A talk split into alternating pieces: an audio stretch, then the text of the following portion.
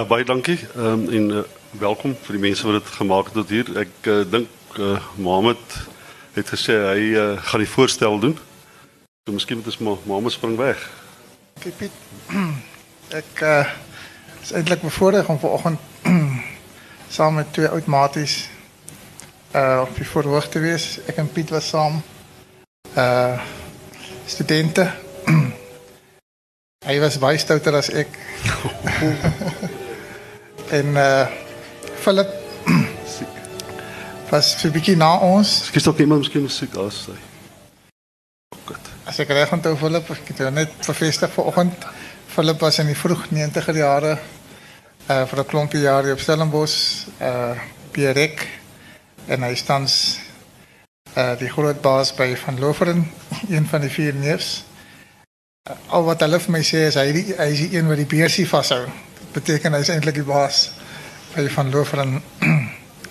uh ek en Philip het ook laasweek so 'n bietjie gekuier en ek moet sê 'n baie indrukwekkende besigheid en 'n interessante gevalle studie van 'n familiebesigheid wat die vermoë het om homself te korporatiseer en mededingend te wees in 'n baie kompeterende en 'n moeilike uh wynbedryf.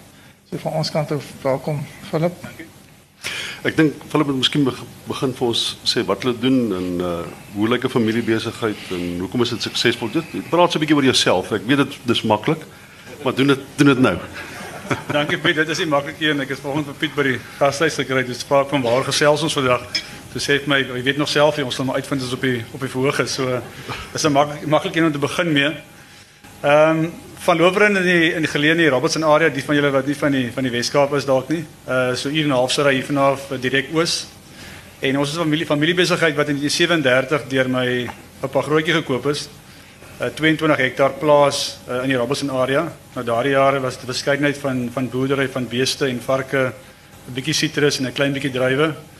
En ja, vir baie jare natuurlik klein geboer, uh, klein gedink. Ehm um, en toe het my pa Wynand en my oom Nico in die 60er jare na die plaas toe gekom en hulle moes noodgedwonge uitbrei want daar was nie kapasiteit of grond genoeg grond vir hulle al drie gewees nie. En hulle het nog twee klein plasies bygekoop en uh selfsmatig uh gediversifiseer in in vrugte en en uh meer vrugte, appelkose en perskes en natuurlik ook dan meer na na, na wyndruiwe toe. En soos baie van die plase in daardie jare was een plaas wat hulle gekoop het, het 'n klein uh 'n keller opgehad en uh wat eintlik maar maar wyn verstook het, hoofsaaklik gefortifiseerde wyne wat verkoop is aan die aan die groothandel van daardie jare die, distillers en Selmos Farmers Winery wat vandag saamgesmelt is en uh die stelvorm natuurlik die die die KWV's wat in daardie dae daarna uitgesien het. Uh toe het hulle koue fermentasie ingesit. Nou dit beteken dat jy wyne kon verbou van 'n aard dat jy nie meer uh tipiese rooi muskadelle maak nie, maar jy kon witwyne maak, droë witwyne. En dit was soort van die katalisator geweest vir die idee om dan in 1980 uh, hulle eie handelsmerk vry te stel wat uh, van Loveren is.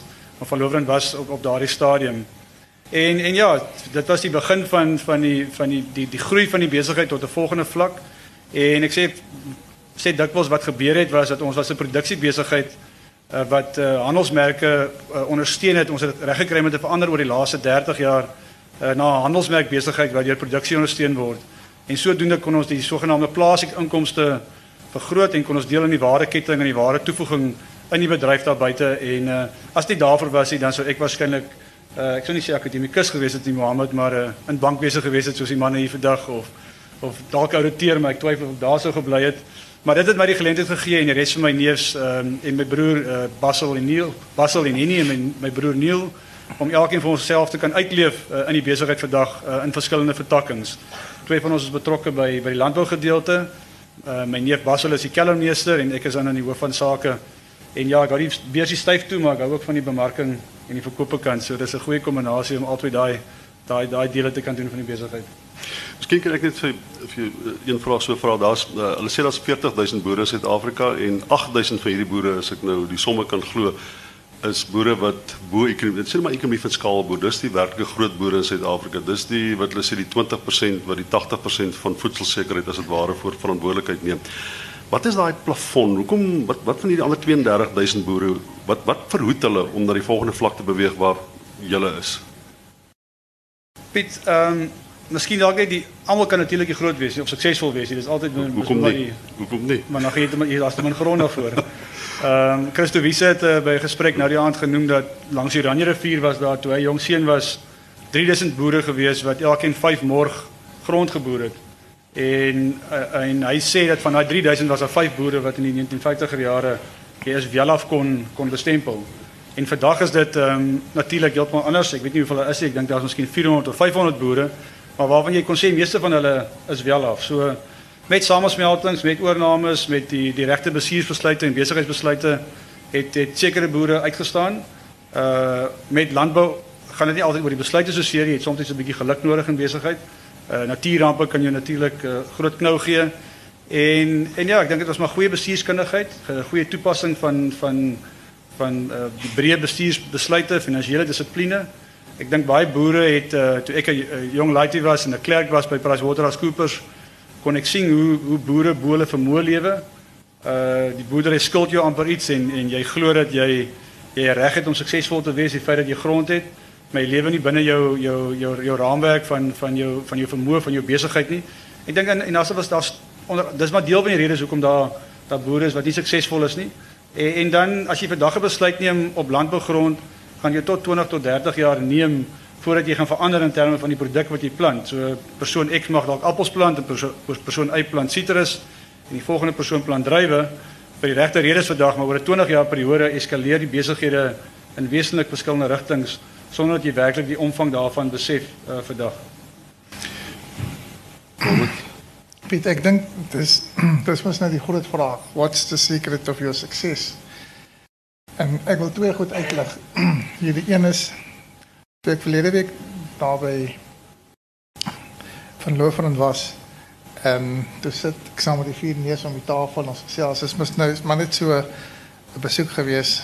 Ehm um, dis die een indruk wat ek wat blywend was.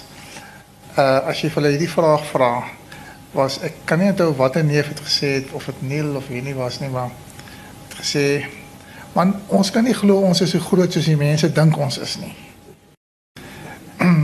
En dit is is een uh, indruk want eintlik is hulle nog steeds aan die strewe na iets. Dis nie asof hulle reeds iets bereik het nie. Ek dink dis een eienskap van van 'n groot suksesvolle boere.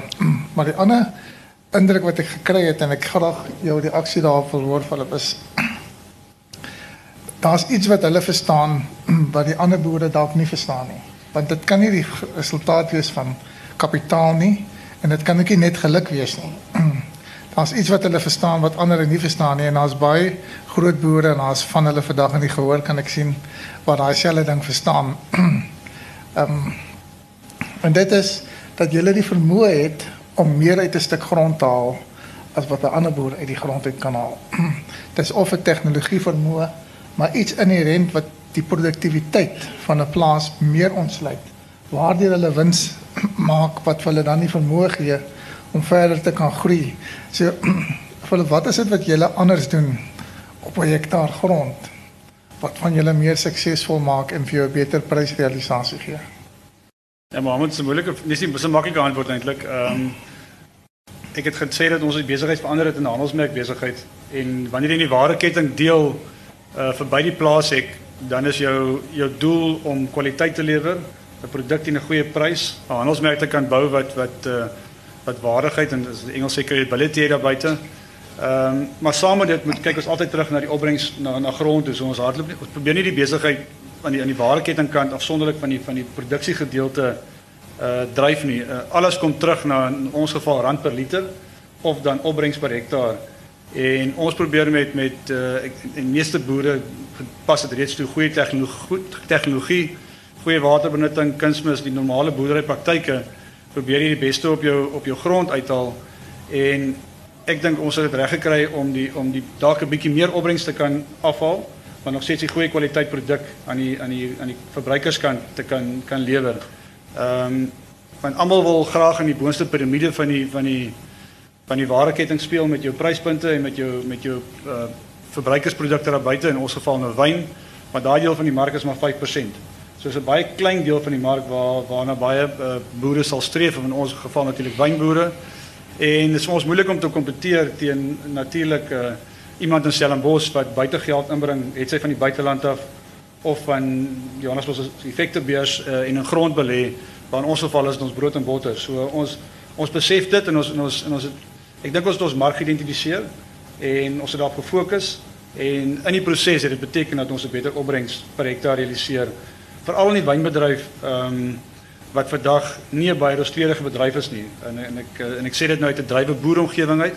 Die drywe boer daar buite uh wat nogal kry nogal swaar. En as jy vergelyk met met ander landbouvertakkings was 37 van hulle suiker vee wild mielies hele lot uh drywe vandag uh is nommer 37 op hierdie lys. So in terme van opbrengs per hektaar verdien die drywe boer die minste opbrengs op sy op sy grond versus enige ander bedryf. Is dit wyn en tafeldrywe alle alle forme van bedryf? Dis net wyndrywe. Net wyndrywe. Taal tafeldrywe doen aansienlik beter ja. Sê ek wil vir jou so vra uh, een van die goed wat uh, ek altyd dink is dat dit gaan oor wat in jou kop aangaan hè as jy uh, na grond kyk en na boerdery kyk as 'n vorm van 'n besigheid nê.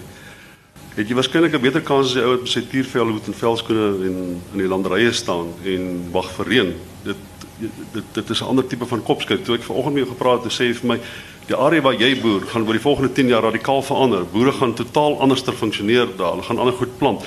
Daai aanpasbaarheid wat jy kry onder die top 8000 en waarskynlik onder, onder die volgende 10 15000 boere in Suid-Afrika is dit nie wat die wat die verskil maak nie. Want aanpasbaarheid en 'n besigheidsmanier van dink is korrespondeer, dit is gekalibreer met mekaar. Ja, die die term van die dag in enige besigheid is om maar dink uit die boks uit. Uh landbou ongelukkig, ehm um, al wil jy aanpasbaar wees, kan jy nie onmiddellik aanpasbaar wees nie want jy plant iets wat vir 20 of 30 jaar in die grond is en jy kan nie vir binne 3 jaar daai hele struktuur op die grond verander nie want dit kos jou hengse kapitale inspuiting. Dis dalk een van die redes hoekom daar sommige boere dit nie maak nie. Kom ons sê jy's 'n klein of 'n middelslag boer en jy is dalk riskant en jy sien nou dat sitrus is vandag die the new kid on the block en jy verander die hele boerderystrategie daarna toe en jy gaan doen finansiering en gaan skuld dan maar binne 5 jaar verander die bedryf van so 'n aard dat in die tyd dat jy begin produseer is citrus nie meer die die die die blue eyed boy nie. En en dis hoekom besighede dan onder andere uh, sal vou.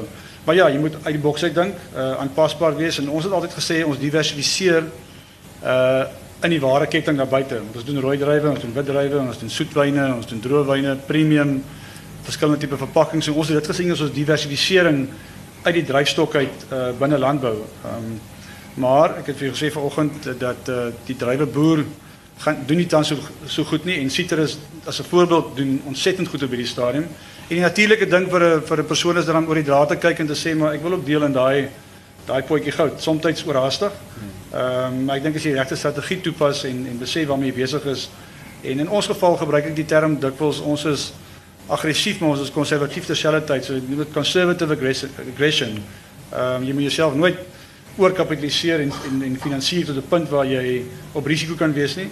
Uh, maar jy wil nie sit terug en en en herbelê en herbesteer ja, ek, ek, ek weet of jy wat my vrou daarvan eksvrou daarvan gepraat is passiewe aggressie maar jy noem dit iets anders wat wat wat gaan aan met wat wat is die probleem met met bedrywe hoekom hoekom is drywe nie wat dit was nie uh hoekom is die pryslaag dat te veel mense wat drywe plant? Nee, ons kompeteer Suid-Afrika is baie klein in wêreldterme. Ons moet daar begin. Ons is maar 3% van die wêreld se se bedryf.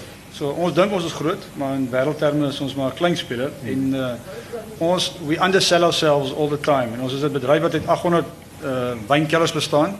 So daar is uh baie van ons en ons kompeteer almal oor hierdie dieselfde selfde mark, dieselfde uh, pot goud as dit sou kan sou kan uitdruk.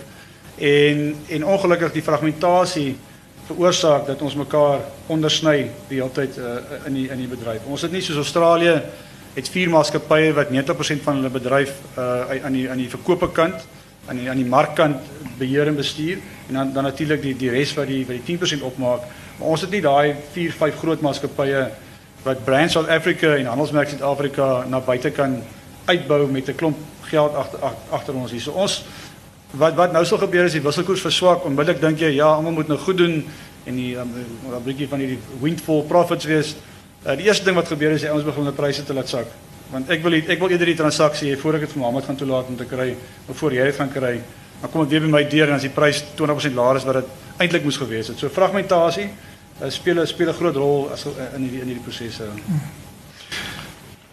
As, ek wil net terugkom na die vorige vraag en dit is ehm um, wat doen julle anders? Nou die ou ekonomiese weet jy mos jy kyk na grond, arbeid en kapitaal vir enige besigheid. En wat arbeid betref is daar 'n klomp goed wat 'n mens kan doen met produktiwiteit en kapitaal en so aan. Maar landbou gaan nog steeds oor grond.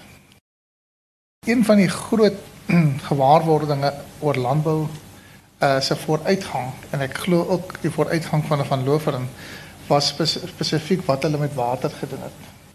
En landbou se toekoms hiervan na vorentoe ook gaan ook in 'n groot mate, baie groot mate oor wat ons met water gaan doen gegee dat ons in 'n in 'n droogte is, die grootste droogte in 100 jaar.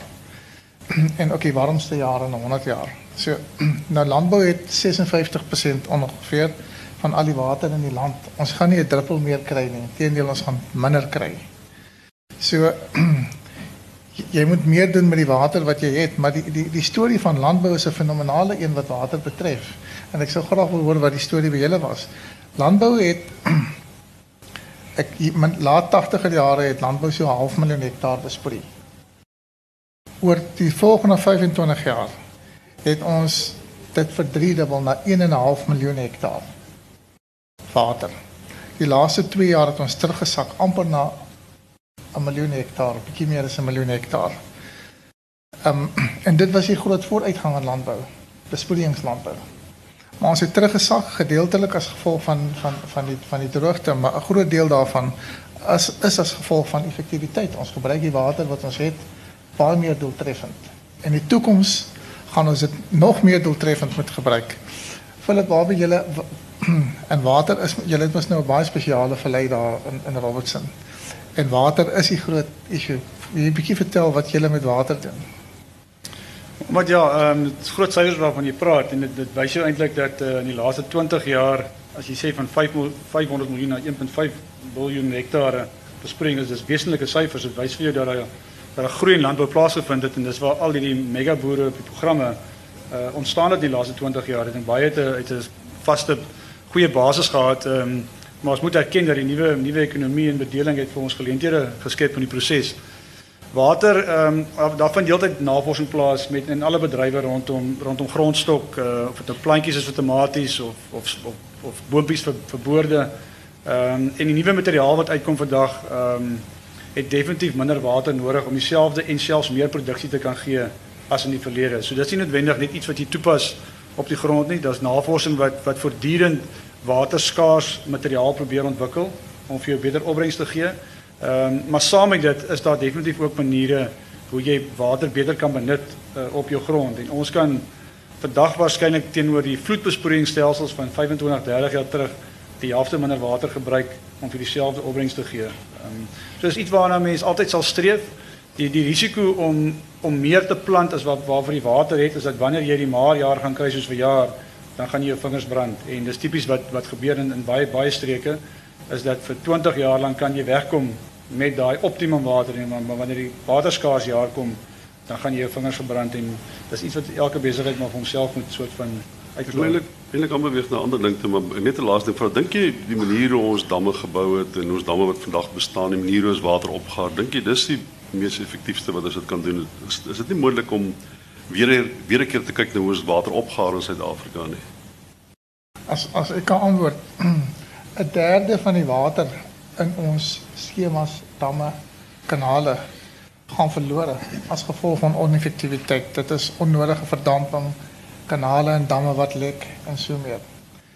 Die ekwivalent daarvan is iets soos 288 000 hektaar wat ons in produksie kan sit as ons daai water net kan bespaar. Hmm maar die waterbronne word nie goed bestuur nie. En daar gaan baie meer aandag gegee moet word, nie net aan die bestuur, kom ons sê uit die publieke sektor nie, maar ook aan die privaat in die privaat sektor. Ek dink die probleem is is baie moeiliker daar buite veral in die noorde van die land.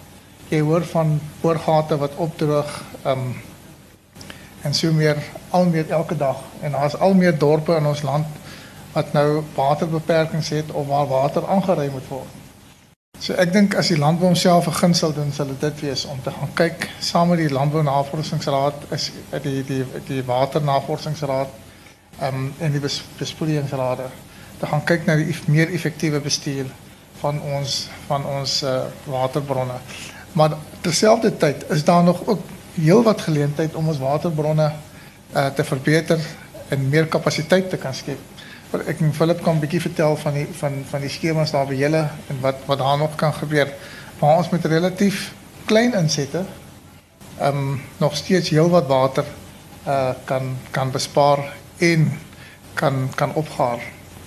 Ek kan 'n bietjie dalk vertel vir Ja, miskien net vinnig op die op die op die water. Ehm um, vir jare is natuurlik 'n guldige geleentheid om hierdie om daadwerklik verander, veranderings te maak in die manier hoe jy water bestuur. Nie net dit as 'n eenheid nie, maar ook as 'n streek of uit 'n waterraad uh, ensovoorts.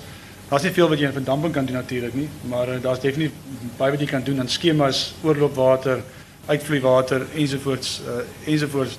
Maar waar, ons weet dat meeste van die gevegte in landbou ook al rondom water plaasgevind het. So is is baie keer makliker gesê as gedoen om by 'n by 'n 'n nuwe eindpunt te kom as, as wat jy wat jy tans het want ehm um, boere gaan nie enige iets prys gee in die proses nie. So dit gaan met die totale benutting van die van die pakkies soos jy dit reg sê. Ehm um, en ek sê altyd ons as 'n wynbedryf gaan ons altyd 3% van die wêreld se produksie bly want ons het nie water nie in die Weskaap spesifiek in in ons area is daar nie meer water beskikbaar nie. Die vraag is hoe kan jy dan met meer water, met minder water meer doen? En dit is wat almal maar maar probeer regkry. Maar daar daar's geleenthede en dis dalk iets wat waar Pieter gesels uh nuwe watergeleenthede moet nuwe geleenthede in terme van ons politieke klimaat skep in terme van ons bemagtigingsgeleenthede skep uh, ensovoorts ensovoorts um, en dit is dit is dalk waar ons Ek het eendag ergens gelees en dis een van hierdie ingenieurstydskrifte en ek is seker dit is nog iets vir die toekoms dat die Amerikaners werk in die Israelies hulle daar's omtrent geen tegnologie wat die Israelies het deesdae ontwikkel nie. Beslaaks genoeg dat mense kom nie agter dis hulle nie, maar 60% van die wêreld se top tegnologie word deur die Jode ontwikkel. Weet jy kyk, dat hulle 'n tipe ding wat hulle ontwikkel wat hulle wat oor 'n dam, jy spuit hom en dan dryf hy boontoe en dan is op die oppervlak van die water is dan inhibeer dit verdamping in die water. En jy dit is 'n uh, dit dit dit is it's, it's it's coming soon. It's coming soon. Ek wil iets anders vra. Ek die ander dag toe was daar klomp boere bymekaar. Ek dink Graan SA en uh, ek kom net om die ding 'n bietjie te verander nou. En hulle vra vir die boer, hulle moet so lank lysie invul. Wie van hulle uh, die laaste jaar vir hulle vrou gesê hulle is lief vir hulle letterlik in die laaste 5 jaar en die laaste 10 jaar. En die ouens moet ek sê sê rede gereeld onlangs, maar nie so lank terug nie. Maar een van die ander een van die ander een van die ander vrae wat hulle gevra het was in watter mate sal nuwe wetgewing oor grondplafonne 'n uh, effek hê op jou besigheid? En ek ek ek ek staan miskien het jy dit gelees maar ek wonder ek dink 64 van die persent van die boere sê dit gaan geen effek op hom hê nie. In Graan SA is van die groter boere die ouens wat daar uitgehang het. Dit interesseer my dat so min boere dink dat grondplafonne 'n effek op hulle gaan hê. Dink jy uh, Mohammed wat wat is jou idees daaroor? Weet ek is geneig om saam te stem. Want grond is mos nou 'n groot en emosionele kwessie. Maar as jy hard na die ekonomie gaan kyk van grond grondwaardes, grondbesit en ek Philip ek sou graag jou opinie daaroor wil hê. Dink ek nie dat ons kan teen hierdie grondwaardes die kapitaal wat ons gaan belê kan diens nie. So dit is tot landbou se voordeel ongeag die belangrikheid om grond te besit ongeag privaat eienaarskap. Is dit tot landbou se voordeel om te groei sonder om daai kapitaal te bestee aan grond self want ons weet die basiese opbrengs kom ons sê op grond is miskien 4-5% dalk. Die, die mense sê altyd jy kan nie die geld uitboer uit die grond nie. Jy, jy kan nie die geld uitboer nie. So jy gaan jy gaan geld sink in 'n bate terwyl jy eintlik die geld wil sink in die ander bates waar daai grond gaan gaan ontgin. So die toekoms in dink ek moet 'n mens slim planne begin maak oor hoe jy grond gebruiksreg kan kry sonder dat jy die kapitaal daarvoor ehm um, hoef te sank. En hoe doen jy dit? Ek dink e-, eerstens jy gaan 'n uh, baie beter grond huurmark gaan gaan begin ontwikkel. Ehm um, ons het nie 'n baie effektiewe huurmark nie, daar is een, maar hy kan baie meer gesofistikeerd raak. Dis een manier.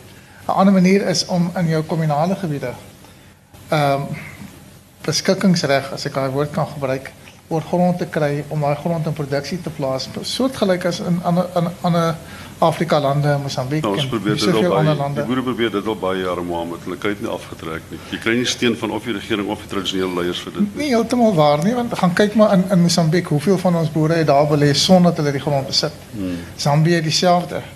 Ek dink nie dis so maklik nie. Dink jy dis so maklik nie, want dit is iets wat ons nie aangewoond is nie. Maar ek dink die verdere groei van landbou van hierdie vlak van kommersiële landbou. Ehm um, word aan bande gelê as jy te veel uh vir grond betaal. Maar ek weet nie als nie. Ek dink hier's hier's hier's selfs boere nie. Ek weet nie of jy vir die ons ons gaan ons gaan nou vir hulle vra om ons lelik te wees. Ek, ek wil sommer vir eens vra. Ek sien daar sit hy. Hy's 'n ou wat baie grond. Ja. En ek dink ook daar in Robertson uh uh uh vallei is kan by hom ook 'n bietjie hoor.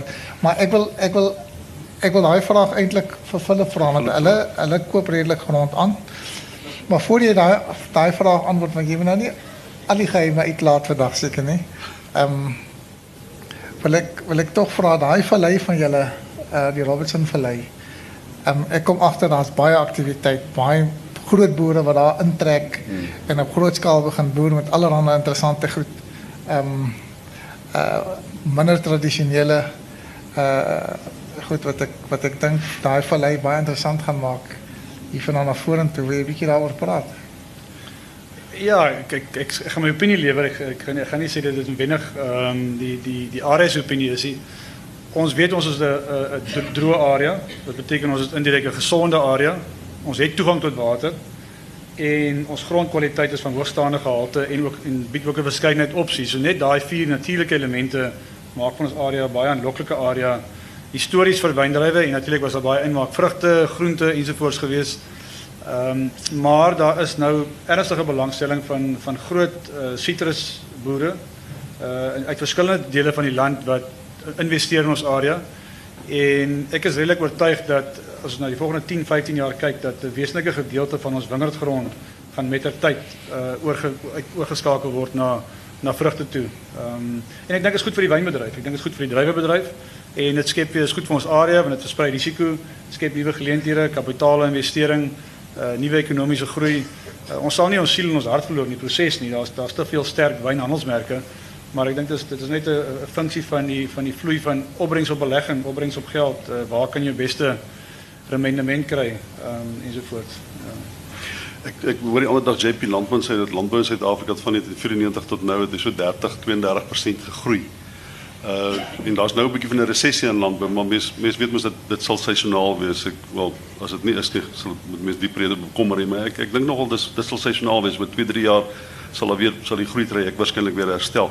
Maar landbou is 'n interessante ding van dit is is die enigste deel van die ekonomie wat ek nou van weet want as jy kyk na vervaardiging en jy kyk na die mynbedryf dan die-industrialiseer daai dele van die ekonomie soveel so dat dit wêreldwyd 'n verskynsel word dat dit nie meer 'n dominante sektor van enige land se GDP is nie. Dit word al hoe minder uh, 'n uh, 'n substansiële deel van GDP. In Suid-Afrika beide mynbedryf en vervaardiging geweldig gekrimp. Ek dink is nou op 9%. Dit is dit en daar's geen indikasie dat dit noodwendig gaan herstel nie. Die wêreld word al hoe meer meer dinge. Maar landbou het 'n vermoë om tegnologie in te voer om meer effektief te boer en aansienlik meer mededingend te word as wat jy 10 jaar terug was. Ek dink nie landbou is meer produktief nie om een of ander duistere rede, maar die mededingendheid het, het, het op 'n ander skaal plaasgevind. Waartoe gaan landbou in terme van mededingendheid? As jy kyk na Europa, as jy kyk die AGOA ooreenkoms wat wat 'n groot voordele dit vir Suid-Afrika gee. Dis duidelik dat ons al hoe meer in op 'n groter mark speel is dit nie omdat ons 'n relatief klein is in wêreldterme is bly ons blootgestel aan wat in die, in die wêreld gebeur. Ons sê as Amerika they sneeze and we we catch a cold. Daai tipe van ding. Dit gebeur nog steeds. Argentinië en Chili het 'n swak sitrus oes vir die laaste 3 jare en skielik is ons pryse besig om deur die dak te vlieg. En mens kan nie altyd jou vinger op die pols op die pols sit presies oor wat die wat die oorsake is nie.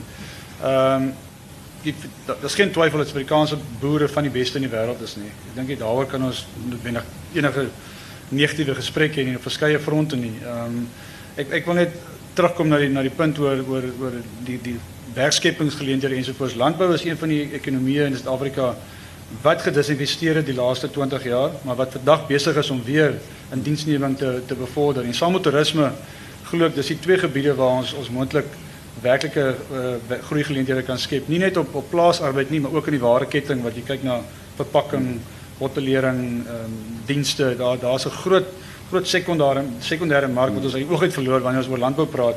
Ons praat altyd dink altyd oor die grond, maar die maar die ware toevoegingsketting, ek dink daar's baie geleenthede vir vir groei. Mohammed sal meer syfers hê oor oor meer akkurate inligting hê oor die oor die oor, oor, oor daai gedeelte. Hm. Ek dink daar's nou 200 000 meer mense in landbou. Die per capita inkomste is laag, maar landbou gee nou 200 000 meer mense werk as die mynbedryf in Suid-Afrika. So dit is en op 'n stadium is hulle baie groter geweest, wat twee keer so groot geweest. Maar die die, die ander ding wat jy aangeraak het wat ek dink 'n belangrike ding is is dat uh, en dit is deel van die diversifisering van landbou. Is landbou en toerisme het al nader aan mekaar beweeg in Suid-Afrika. Dit is wêreldwyd 'n verskynsel, maar ek dink ons het baie baie vinnig daarop ingekoop. So dis nie net diversifisering in terme van wat die boer op sy plaas en tot by sy hek nie, maar sy diversifisering is in terme van word by verskillende industrie industrieë betrokke in Suid-Afrika het nie werklik groei potensiaal meer in mynbedryf en vervaardiging nie, maar toerisme het ons geweldige baie uh, potensiaal. Ons is nou wat 2.9% van GDP is is toerisme. Daar's geen rede hoekom dit nie 5 en 6 en 7% kan word nie. Sorry as ek hoop nie se Grieke nie gehoor nie, maar die Grieke het vir jare gesit in die kafees en sit in domino speel en toerisme die hele ekonomie omtrent gedryf tot tot hulle opgeneek het. Maar daar's geen rede hoekom Suid-Afrika se toerisme nie groter kan wees. En landbou en toerisme, agritourisme loop eintlik baie baie goed saam in Suid-Afrika, is dit nie?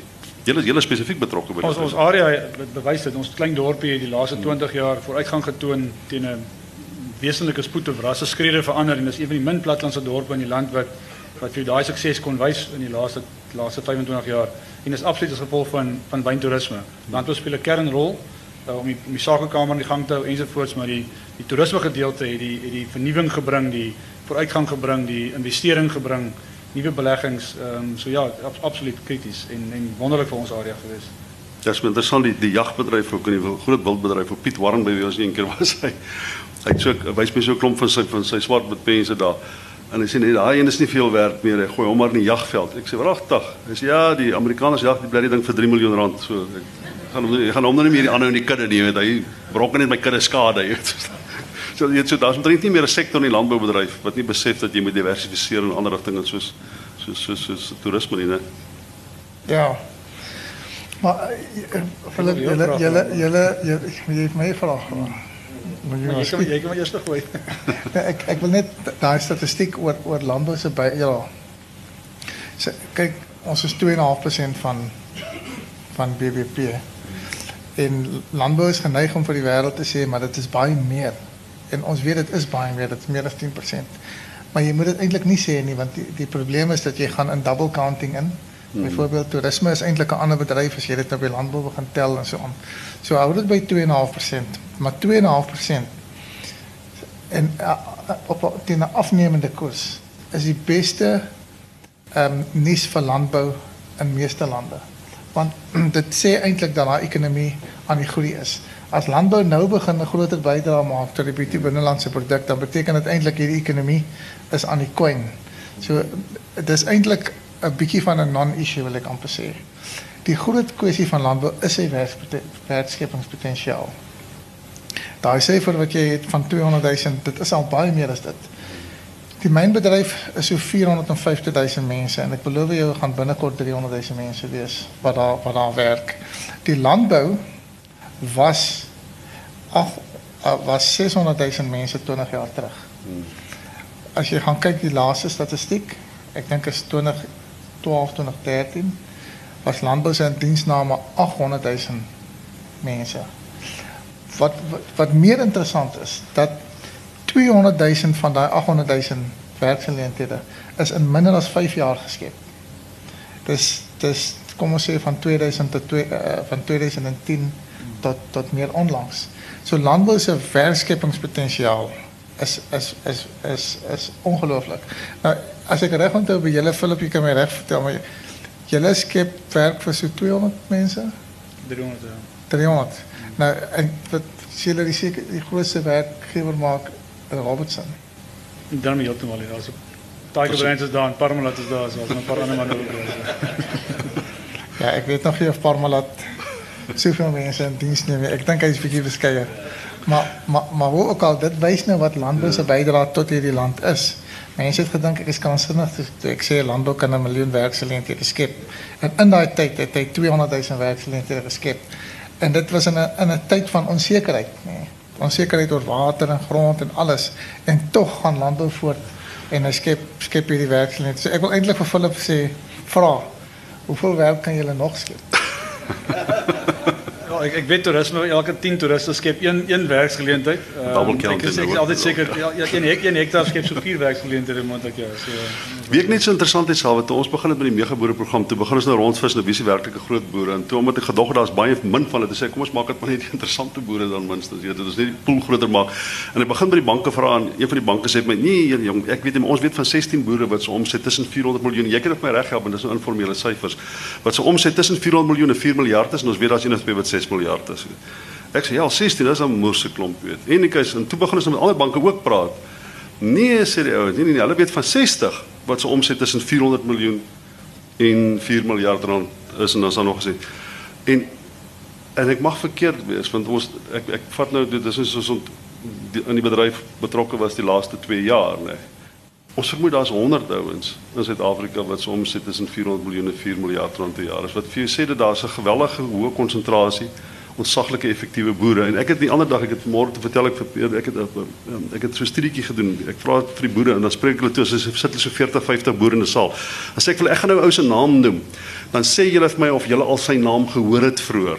As jy nog nie sy naam gehoor het, hou jou hand op. Maar sê vir my, jy moet net gehoor, jy hoef nie te weet wat hy is en wat hy doen nie. Sê vir my as jy sy naam gehoor het. En dan sê ek, okay, kom ek gee vir jou 'n idee wat die omvang van hierdie boere is.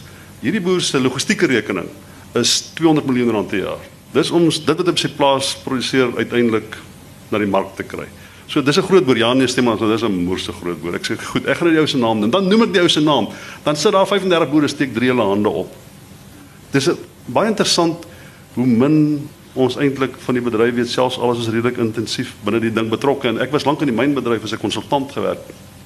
My verbaas dat hulle weet almal van mekaar. Hulle ken mekaar se name, ken mekaar se omset, hulle ken hulle weet presies wat die ander is besig aan gaan. Maar boere weet baie keer nie ons is daar's 'n onbewustheid oor wat werklike landbou aangaan. 90% van die kere wat iemand my vra vra oor meegeboere sê vir my, "Ja, maar ons nie geweet daar's sulke groot boere in Suid-Afrika nie." Dit is totaal onbewus van die werklike skaal, werklike effektiwiteit, werklike omvang waarop boere in Suid-Afrika funksioneer en hoe mededingend hulle is, né? Ek ek dink dis dis verskillende bedrywe wat wat jy Ja. wat dis vir my baie moeilik om 'n opinie oor suiker hier in Natal te hê. Dis Ja. nie dat ek nie belangstel aan nie, maar jy jy het nie jy's nie kundig genoeg of nie nie kundig genoeg, jy het net nie die insa Maar as jy na oor die- oor die- selfsienlik oor as die 'n groot skaal kyk, van onder die radar operate nie. Ja. Ons is 'n bietjie 'n ander ander deel van die van die van die wedstryd want ons het handelsmerke wat ons na buite moet bemark. So. Ja. ek sê dikwels ons ook sou ook 'n bietjie onder die radar wou ge gevlieg het 'n bietjie meer dalk. Ja. Ja, ek probeer net sê ek dink met meeste wanbegrip van landbou in Suid-Afrika. Mense dink nie werklik aan dit op die skaal wat dit werklik funksioneer nie. Selfs al dink jy van 2,4% van GDP. Dis 'n moerse syfer waarvan jy praat. Dit klink sommer 2,4%, maar kwantifiseer dit in 'n in 'n vaste bedrag, dis 'n enorme syfer waarvan jy praat. Weet jy Piet, ek ek, ek voel nou soos as jy aan die tafel sit met jou ouers en dan sê hulle vir jou luister, hierdie deel van die gesprek met die kinders nou eenkant gaan speel. Want het vir jou antwoord op hoeveel boere meer as 100 miljoen hmm. uh, maak. Maar dit is nie 'n syfer wat jy moet rondgooi nie. En ek is al gebel het hulle vir my gesê het, luister professor, jy moet jou bek hou oor hierdie goed. want jy gaan landbou eintlik skade doen daardeur want dit skep die idee dat dat boere is 'n aristokrasie van 'n klomp ryk mense wat net hulle vergryp aan die aan die aan die samelewing se grond en arbeid en so aan en jy is eintlik besig om van van die landbou 'n teken te maak as as wat die land dit as 'n bate sien so dis hoekom ek sê dat die kinders maar nou een kan gaan sit ons gaan nie ons gaan nie verder daaroor praat nie maar al wat ons wel kan sê is dit gaan baie goed met die met die met die top deel van die 20%. landbou. Ja. Ek dink ons bekommernisse lê lê laer as dit. Want hy die mense wat vandag top is, was gister nog daaronder gewees. Hmm. En ons moet eintlik seker maak dat meer van hulle deurkom en die ondersteuningsbasis daarvoor is. Want die verliese aan goeie boere wat dit net net nie maak nie, is te groot vir 'n land soos ons. weet ek moet vir jou sê ek, ek verskil vir jou. Ek kry baie baie kritiek oor oor megaboere van veral hier by Transvaalse landbou Unie se kant af, né? En hulle sê vir my jy stel die boere op om 'n teiken te wees dat dit doen. Dis nie waar nie, want die eenvoudige rede is hierdie groter ouens, hierdie top 20 ouens se organogram lyk baie anders as as wat die tipiese stereotipe oor 'n boer is. Daar's mense, wat swart mense wat bestuurders daar is. Dis mense wat hulle funksioneer in in 'n baie ander tipe gesagsverhouding tot die boer as op 'n tipiese plaas waar jy gedink het maar die ou werk soos 'n slaaf, dan sê die boer storie krywe, maak vol die dam uh, jaggeskaap in die kralle. Die oomblik wat die ouens in die volgende vlak beweeg, verander die organogram, die gesagsverhoudings van dit word 'n besigheid. En ek dink dis 'n positiewe deel van landbou, die feit dat daar baie ander moet ek dink Max de Pre sê altyd as jy wil die uh beeld van landbou verander, moet jy die gesagsverhoudings in landbou verander. Ek dink dis wat die top 20 ouens doen. Dis juist daar waar die gesagsverhoudings verander. Dis daai man kan net sowel werk in een of ander uh, korporatiewe instansie. Dis 'n totale ander beeld van landbou. En ek dink dis ook baie belangrik om die ouens wat suksesvol is te wys, maar dit is moontlik om daai stereotypes oor landbou af te breek as jy na die volgende vlak toe beweeg. Maar kom ons vra vir Philip van die sukses gaan oor daai besluite wat jy saans as jy alleen in die bed lê of soggens vroeg opgestaan het. Nou neem jy jou groot en belangrike besluite en dis dis nog altyd een een mens wat daai verskil maak, maar jy is nou vier neefs wat wat wat saam boer. Hoe ek familie kyk boere is eerstens as individualiste. Elke ou wil sy eie ding doen. 'n Rede vir vir hulle sukses, maar ook 'n rede vir die mislukking soms. Maar hoe kry vier neefs dit reg om saam besluite te neem? En weer eers na pizza stelling toe. Daar's geen twyfel dat sukses bring verantwoordelikheid nie. En daai verantwoordelikheid wat groter boere het, dink is baie goed vir die bedryf en baie goed vir die beeld. En dit word dalk weer speel in die in die program. Ehm um, ons sê altyd ons is groot gemaak ons ons is ons is lovers, ons is nie fighters nie. So meeste boere klim met 'n voet uit die bed uit en hy kyk wie hy vandag eers gaan beklei. Dis nie dis glad nie ons ons inslag ooit gewees. So, Hulle lyk glad nie soos vier lovers nie. Ons lyk lyk dalk nie so nie. Ja. My ma my ma sê ook iets soos sy kan op jou na dit sê wat wel so is of nie. Ehm um, en en ek dink dit is net ons is groot gemaak met die met die met die gedagte dat as jy wil deel wees van die besigheid, dan gaan jy verskil maak binne die besigheid en jy gaan nie probeer uitspring en snaaks wees en jou eie eie ding dryf nie en en ons het die kultuur gevestig dat uh sluit aan met die vorige gesprek en dit is my vraag aan jou oor die oor die oor die grond. Ehm um, ons sien onsself as rentmeesters van 'n van 'n tyd. Ons het 'n geleentheid. Ons woeker daarmee. Ons wil dit graag verbeter. Ek dink ons kry dit reg en ons gaan nie ophou daarmee nie. Ehm um, en dit is hoekom ons 'n baie oop oop gemoed het en 'n oop benadering het tot goed soos transformasie, grondhervorming, uh natuurlik die politieke druk wat daar buite is, gee vir ons sekerheid. Ehm um, ek het al vir jou gevra as is, is ons reg om nog grond te koop en, en jou antwoord is dalk ook nie een, een vir die kinders nie. Ehm um, en en ons is net 'n terug te kom na die na die vier neefs toe. Ons ons bou ons eie individualiteit op op die selfvertroue wat ons kry kry by die ander. Ek dink dit maak dit baie makliker om gesamentlike besluite te neem en gesamentlike risiko te neem as wat jy dit alleen sou gedoen het.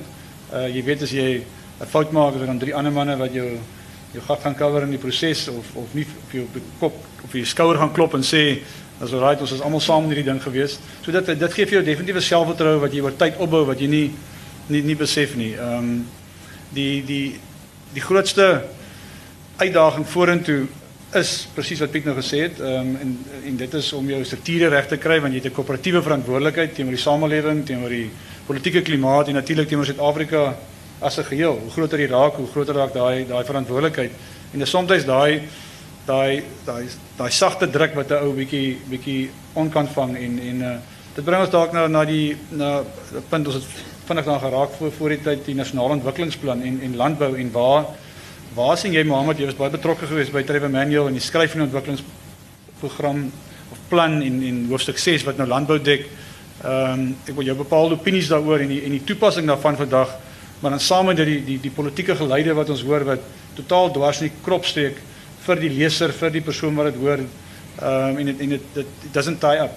Um, is dit maar met landbou die laaste politieke politieke bal is wat gespeel mee kan word of is uh, eh, is dit om om dan die inkoop is nie en tog het Pravin Gordhan gesê twee weke terug we build the budget on the national development plan. So uh, hy het dit nie gesê nie, maar ja, behalwe landbou ja, as jy as jy dit hoor. Ja, maar Mohammed, wat wat wat wat hoekom hoekom korrespondeer wetgewing nie noodwendig wat landbou betref met die nasionale nasionale ontwikkelingsplan? Of dink jy daar's raakpunte? Okay, ek sê jou plan. Ek gaan Afrikaans praat van die mense wat Engels praat as hier. Wat Engels praat gaan vir my risiko wees. Um, op hierdie een. Kyk, uh, dis ons het ons het 'n wonderlike plan en ons het 'n plan vir landbou en ons het 'n grondhervormingsplan ook vir landbou. Dit is al geskryf, dit staan daar. En ek is net so gefrustreerd dat ons nie vinniger kan beweeg daarmee nie. ek kry nie mense wat sê ons verskil met die plan nie. Daar's 'n paar maar regtig baie min. So almal sê dit is die plan, ons moet hom uitvoer. Die die probleem is om tot uitvoering te kom. Want jy kan nie vir 'n ou sê wat besig was met 'n verkeerde plan, jy moet nou 'n ander plan wat jy nie opgestel het, moet jy nou gaan uitvoer nie. En dit is in 'n groot mate die probleem met die staatsdiens. Dat hulle sukkel om te verstaan dat die manier wat ons gedoen het is foutief en ons moet op 'n ander pad kom. So jy jy jy het 'n jy het 'n transisie wat nodig is. Maar daai transisie beteken dat daar moet 'n sterk vorm van leierskap kom wat vir hulle sê dis nie jou keuse of jy dit doen of nie doen nie. Jy moet dit doen.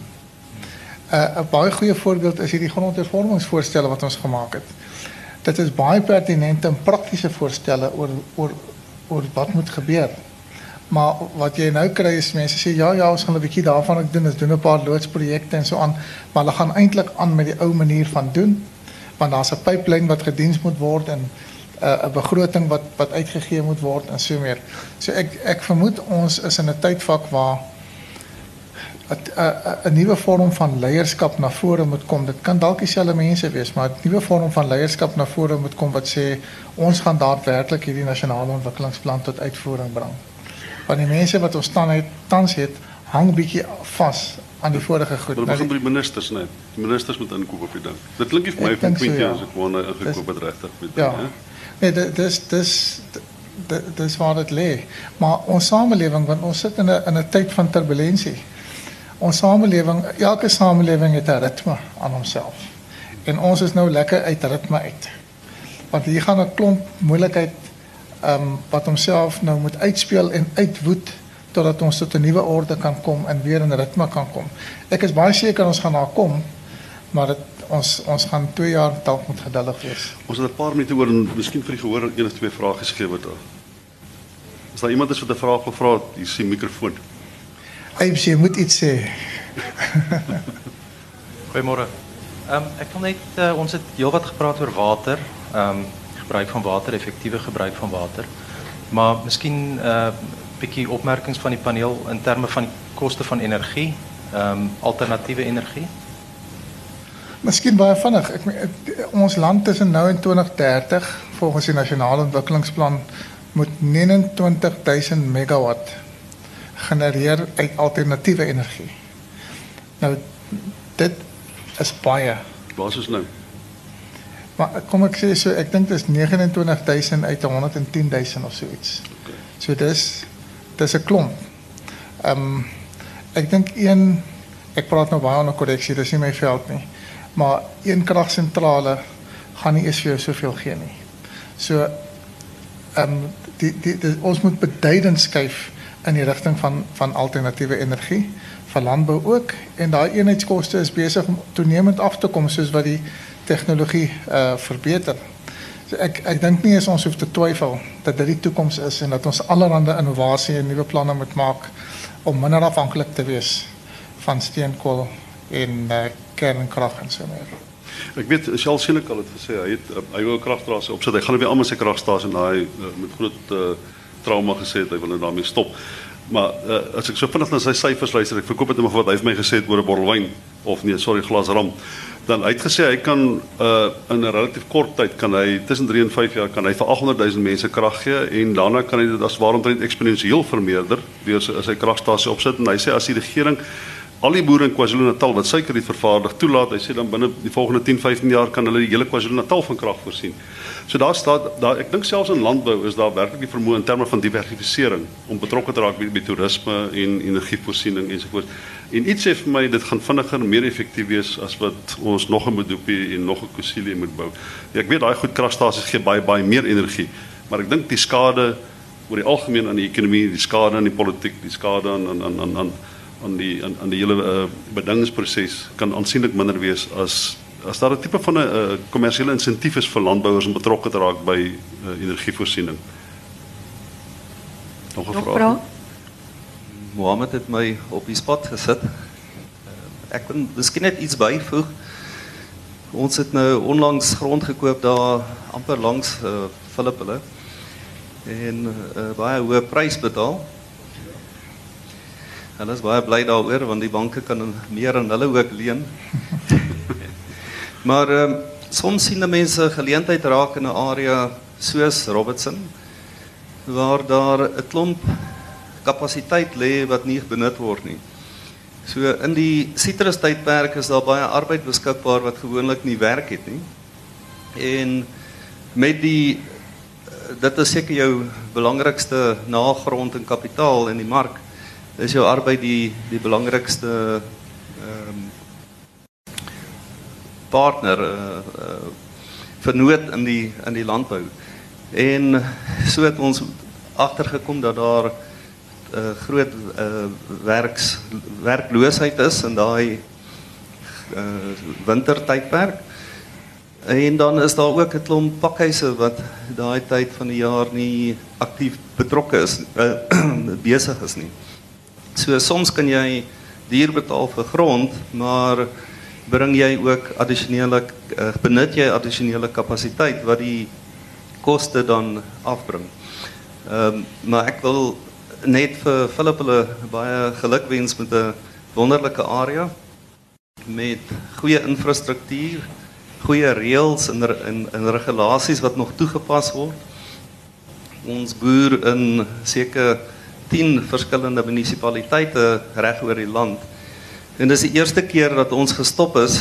Ons het sommer begin pompstasies bou en ploeg en plant en ons is mooi gestop en gesê wag 'n bietjie, hier werk dinge volgens sekere reëls en uh dit is wonderlik om te sien dat dat daar nog baie plekke is waar die reëls gehandhaaf word, waar die infrastruktuur opgepas word, waar jy welkom geheet word as 'n inkomer en baie uh advies gegee word. Die deure staan altyd oop en uh dit is nie iets wat jy altyd in die landbou kry nie. Uh boere en die mega boere is heeltyd besig om mekaar uit te elbou.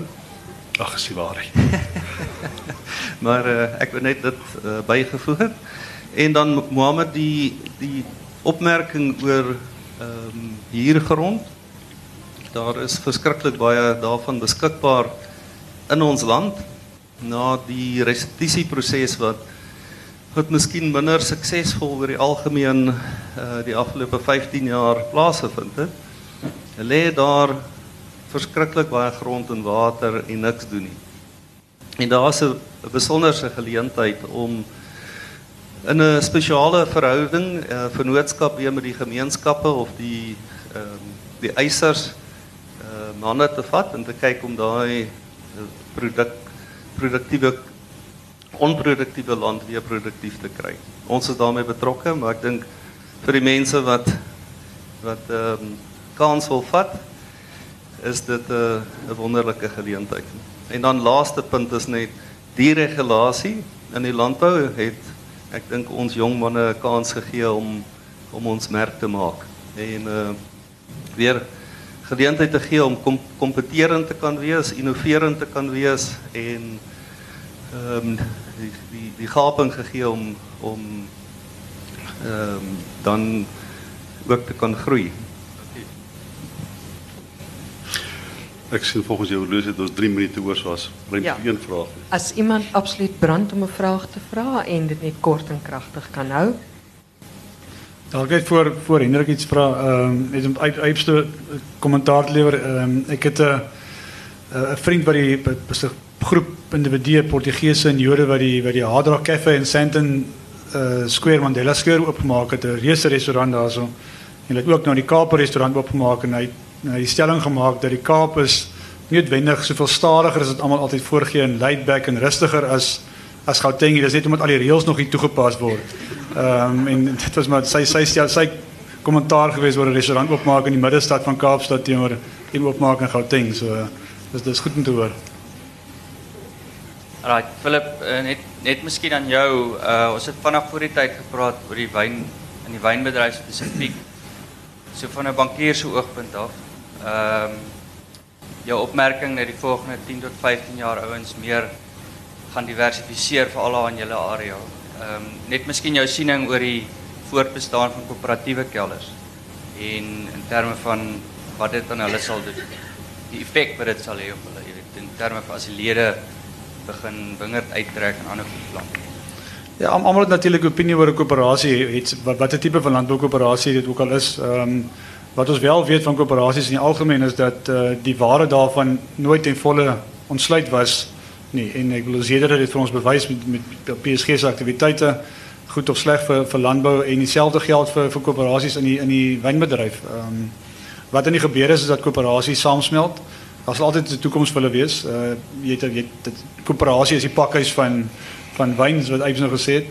Ehm um, so ja, nee, daar gaan altyd 'n behoefte daarvoor wees en en sommige mag dalk kleiner word. Ek bedoel as 20% van die area gaan verander na sitrus toe as 'n voorbeeld en dis net 'n 'n 'n skatting en 'n 'n raming en 'n idee dalk dan gaan daar meer kapasiteit beskikbaar wees maar wat kan beteken dat ander areas dalk drywe na ons toe kan bring dat groot instansies soos Destel dalk 'n keller of twee sal koop of KWV so daar's daar's baie goed wat wat kan gebeur maar dit dat dit altyd 'n rol sal speel is daar geen twyfel oor nie en en altyd 'n behoefte gaan vervul sekerlik ja Ek wil net sê baie dankie vir almal wat gekom het. Uh veral vir my ou vriend Mohammed Karan. Hy het ons het vir dieselfde rugby span gespeel op Baarste. Hy was hier voor, ek was die agste man by jy kan sien, né? Nog steeds.